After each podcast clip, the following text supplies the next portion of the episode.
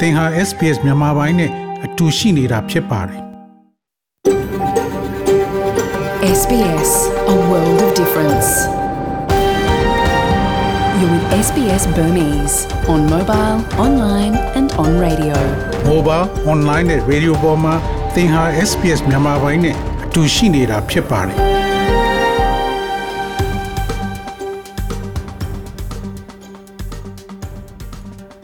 တော်ရရှင်များချက်သေးမင်္ဂလာဖျားဖျားနဲ့ပြည့်စုံတော်မူကြပါစားခင်ဗျာဒီနေ့ February လ12ရက်စနေနေ့မြန်မာပိုင်းစီစဉ်များကို SBS Radio မှစတင်အသံလွှင့်နေပါရခင်ဗျာဒီနေ့စီစဉ်များကိုကျွန်တော်ကျော်ထွန်းအောင်ခေါ် Terror အောင်ကတင်ဆက်သွားမှာဖြစ်ပြီးယနေ့ပါဝင်မိစီစဉ်များမှာတော့ jury တာဝန်ကပါလေအဲ့ဒါအတွက်ဘယ်သူတွေကိုစင့်ခေါ်နိုင်မလဲဆိုတဲ့ဆောင်းပါးတန်တွေခက်ကပေးပို့ထားတဲ့ ဒေတာတွင်ပဋိပက္ခတွေကြားကစာသင်ခန်းပြောင်းနေတဲ့ကလေးငယ်များဆိုတဲ့ဆောင်းပါးနဲ့ဒေါက်တာတင့်ဝေကလိန်တူချင်းဆွဲဆောင်မှုကို ရှင်းပြထားတာတို့ကို နားဆင်ရမှာဖြစ်ပြီးဒီနေ့ခေါင်းကြီးပိုင်းသတင်းတွေကတော့ New South Wales မဲဆန္ဒရှင်များကြားဖြတ်ရွေးကောက်ပွဲ၄ခုမှာမဲပေးယူကရိန်းအရေးတင်းမာမှုကမ္ဘာစစ်ဖြစ်နိုင်ဟုသမ္မတဘိုင်ဒန်မှတ်ချက်ချ ရန်ကုန်မှာစစ်ကောင်စီပြည်ထောင်စုနေ့အခမ်းအနားအတွက်လုံခြုံရေးတွေတင်းကျပ်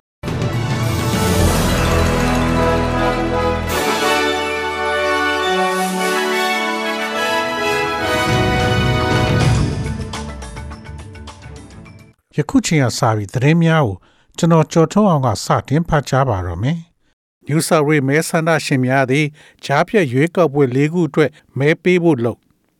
New South Wales အထွေထွေရွေးကောက်ပွဲမတိုင်မီတစ်နှစ်အလိုတွင် ပြည်내ရဲ့လက်လက်ဆက်ဆက်ခန့်အပ်ထားတဲ့ပါတီကြီးများမှခေါင်းဆောင်များဟာ၎င်းတို့ရဲ့ပထမဆုံးသောရွေးကောက်ပွဲဆိုင်ရာစမ်းသပ်မှုကိုရင်ဆိုင်ရမှာဖြစ်ပါတယ်။ပြီးခဲ့တဲ့နှစ်ကယာဒုကမနှုတ်ထွက်မှုလိုင်းလုံးကြီးပြီးနောက် New South Wales ပြည်내ဝန်ကြီးချုပ်ဟောင်း Gladys Berejiklian တင်သည်အချင်းပြက်ခြားစားမှု ဆွဆွဲချက်များတိမ်ကောလာပြီးနောက်စနေနေ့တွင်ကြားဖြတ်ရွေးကောက်ပွဲ၄ခုတွင်မဲဆန္ဒရှင်များမဲပေးရွေးချယ်မှာဖြစ်ပါတယ်။စစ်တပ်များသည်ပြည်내ရဲ့ Liberal ဝန်ကြီးချုပ် Dominic Perrottet နဲ့ Labor ခေါင်းဆောင် Chris Min တို့အတွက်အဓိကစမ်းသပ်မှုတစ်ခုပြုလုပ်ခဲ့တာလို့ဆိုပါတယ်။ Bigger Monaro, Stratfield နဲ့ Wallaby ကြားဖြတ်ရွေးကောက်ပွဲများတွင်မဲဆန္ဒရှင်38ရာခိုင်နှုန်းကျော် မဲပေးထားပြီးဖြစ်ပြီးရလဒ်များကိုကြေညာရန်ပုံမှန်ထက်ပိုကြမီဖြစ်ကြောင်းပြည်내ရွေးကောက်ပွဲကော်မရှင်ကပြောဆိုပါတယ်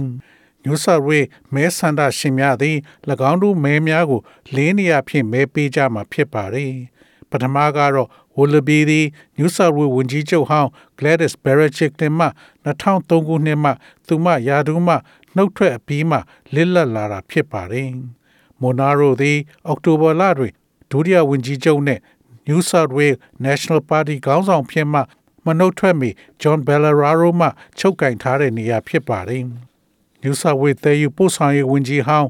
Andrew Constant မှ Federal လွှတ်တော်အတွက်အရွေးခံရန်ပြည်내နိုင်ငံရေးမှအငိမ့်စားယူခဲ့တဲ့ဘေဂါမဲနေမြေမှာလည်းမဲပေးကြမှာဖြစ်ပါတယ်။ Stratfield သည် New South Wales Labor ခေါင်းဆောင်ဟောင်း Joni McCain မှချုပ်ကင်ထားတဲ့နေရာဖြစ်ပြီးယခုလစ်လပ်နေတဲ့နေရာဖြစ်ပါတယ်။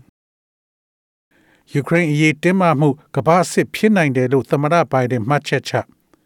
ရုရှားနဲ့ယူကရိန်းနယ်စပ်မှာရုရှားနဲ့အမေရိကန်တပ်ဖွဲ့တွေကြားကြီးမားတဲ့ပဋိပက္ခဖြစ်လာနိုင်ခြေကိုအမေရိကန်သမ္မတဂျိုးဘိုင်ဒန်ကသတိပေးလိုက်ပြီးအမေရိကန်နိုင်ငံသားတွေကိုယူကရိန်းနိုင်ငံထဲမှာရှိနေရင်ချက်ချင်းထွက်ခွာကြဖို့သတိပေးလိုက်ပါတယ်။ကမ္ဘာအင်အားအကြီးဆုံးစစ်တပ်တွေထဲမှာတခုအပါအဝင်ဖြစ်တဲ့ရုရှားစစ်တပ်နဲ့ ရင်ဆိုင်နေရတာဖြစ်သလိုတခြားအခြေအနေတွေနဲ့မတူဘဲပဋိပက္ခတွေချက်ချင်းဆိုးဝါးလာနိုင်တာကြောင့်အဲ့ဒီမှာရှိတဲ့အမေရိကန်နိုင်ငံသားတွေအခုပဲချက်ချင်းထွက်ခွာသင့်တယ်လို့သမ္မတဘိုင်ဒန်က American NBC ရုပ်သံနဲ့တွေ့ဆုံမေးမြန်းခန်းမှာပြောဆိုသွားပါတယ်။ တကယ်တော့ရုရှားကယူကရိန်းကိုကျူးကျော်တိုက်ခိုက်လာရင်အဲ့ဒီမှာရှိတဲ့အမေရိကန်တွေကိုကယ်ထုတ်ဖို့အမေရိကန်တပ်ဖွဲ့တွေယူကရိန်းကိုဆေလွတ်တာမျိုးလုပ်မှာမဟုတ်ဘူးလို့လည်းသမ္မတကပြောပါတယ်။ American နဲ့ Russia တပ်တွေ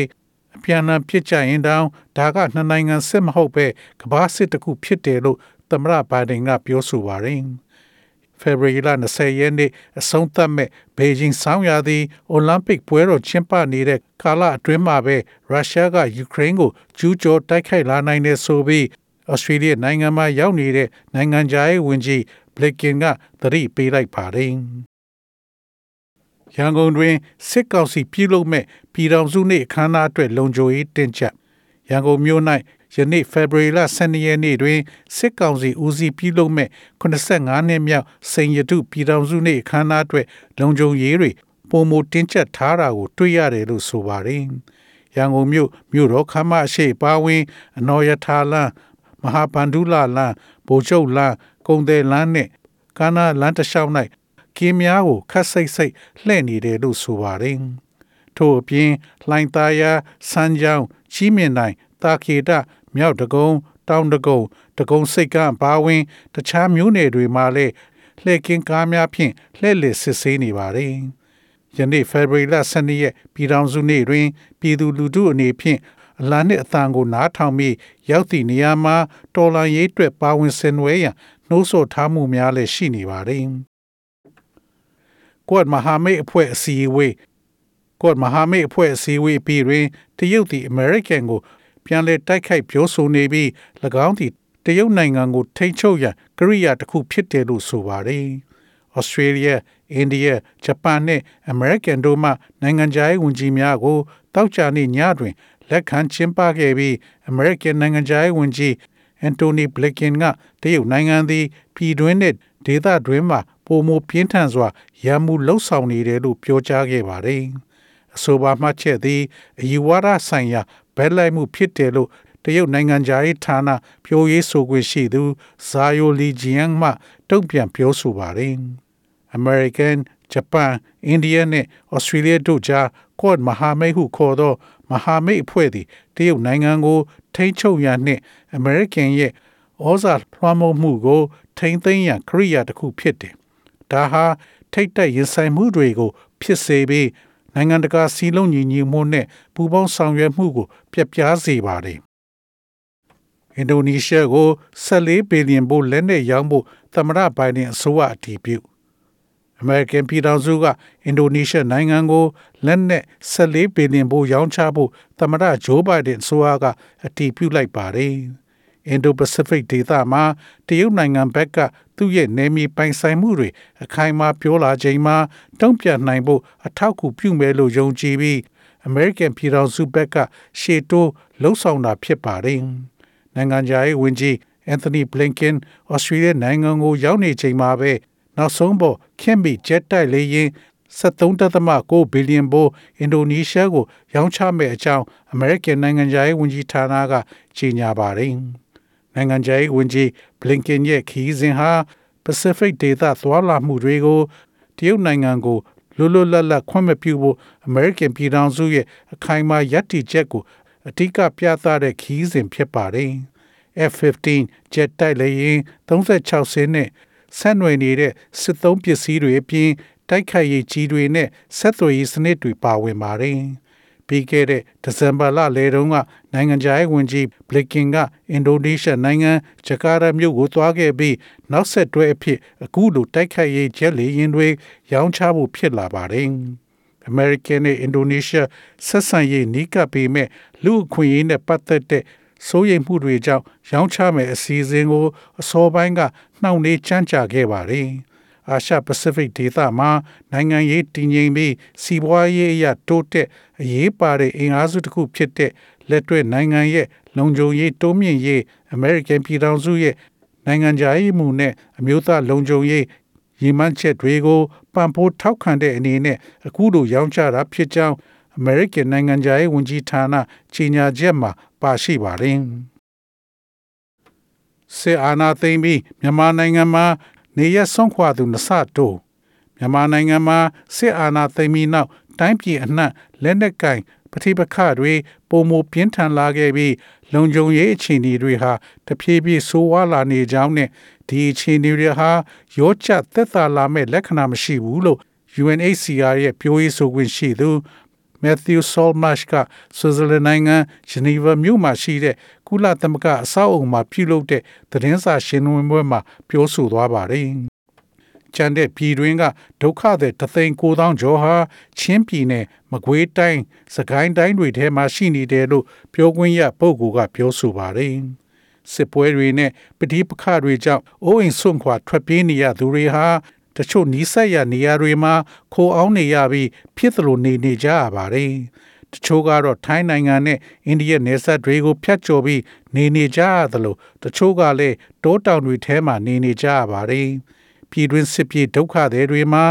လုံလောက်တဲ့ဆေးဝါးအမိုးအကာနဲ့အစားအစာတွေမရှိသလိုတန်ရှင်းမှု လုံခြုံမှုလည်းမရှိတဲ့အခြေအနေမှာနေနေရတယ်လို့ကုလသမဂ္ဂဒုက္ခသည်များဆိုင်ရာမဟာမင်းကြီးယုံ UNHCR ရဲ့ပြောရေးဆိုခွင့်ရှိသူကပြောဆိုပါတယ် SBS SBS SBS SBS SBS This is SBS Radio ငွေလဲနှုန်းမှာတော့ Australian dollar ကိုမြန်မာကျပ်ငွေ1266ကျပ်ရရှိပြီး American dollar ကိုမြန်မာကျပ်ငွေ1988ကျပ်ရရှိပါတယ်။ Australian dollar ဟာ American 80စနစ်နဲ့ညီမျှပါတယ်။ မနေ့ပြန် Australia တိုက်မှာရှိတဲ့မြို့ကြီးများရဲ့မိုးလေဝသခန့်မှန်းချက်ကတော့ Sydney မြို့မှာအပူချိန်25 degree centigrade ရှိမှဖြစ်ပြီးမိုးတစ်ဖြောင်းနှစ်ဖြောက်ရွာသွန်းမှဖြစ်ပါတယ်။ Melbourne မြို့မှာအပူချိန်29 degree centigrade ရှိမှဖြစ်ပြီးများသောအားဖြင့်နေသားမှာဖြစ်ပါတယ်။ Brisbane မြို့မှာအပူချိန်30 degree centigrade ရှိမှဖြစ်ပြီးမိုးတစ်ဖြောင်းနှစ်ဖြောက်ရွာသွန်းနိုင်ပါတယ်။ Perth မြို့မှာအပူချိန်29 degree centigrade ရှိမှဖြစ်ပြီးမိုးတိမ်သားများအနည်းငယ်ရှိမှဖြစ်ပါတယ်။ Adelaide မြို့မှာအပူချိန်30 degree centigrade ရှိမှဖြစ်ပြီးနေသားမှာဖြစ်ပါတယ်။ Hobart မြို့မှာအပူချိန်21 degree centigrade ရှိမှဖြစ်ပြီးမိုးတိမ်သားများအနည်းငယ်ရှိမှဖြစ်ပါတယ်။ Canberra မြို့မှာအပူချိန်23 degree centigrade ရှိမှဖြစ်ပြီးမိုးတိမ်သားများအနည်းငယ်ရှိမှဖြစ်ပါတယ်။ ဒါဝင်မြို့မှာအပူချိန်34 degree centigrade ရှိမှဖြစ်ပြီးမိုးရွာသွန်းနိုင်ပါတယ်။ဤတွင်သတင်းများကိုကြီးညာလို့ပြီးပါပြီခင်ဗျာ။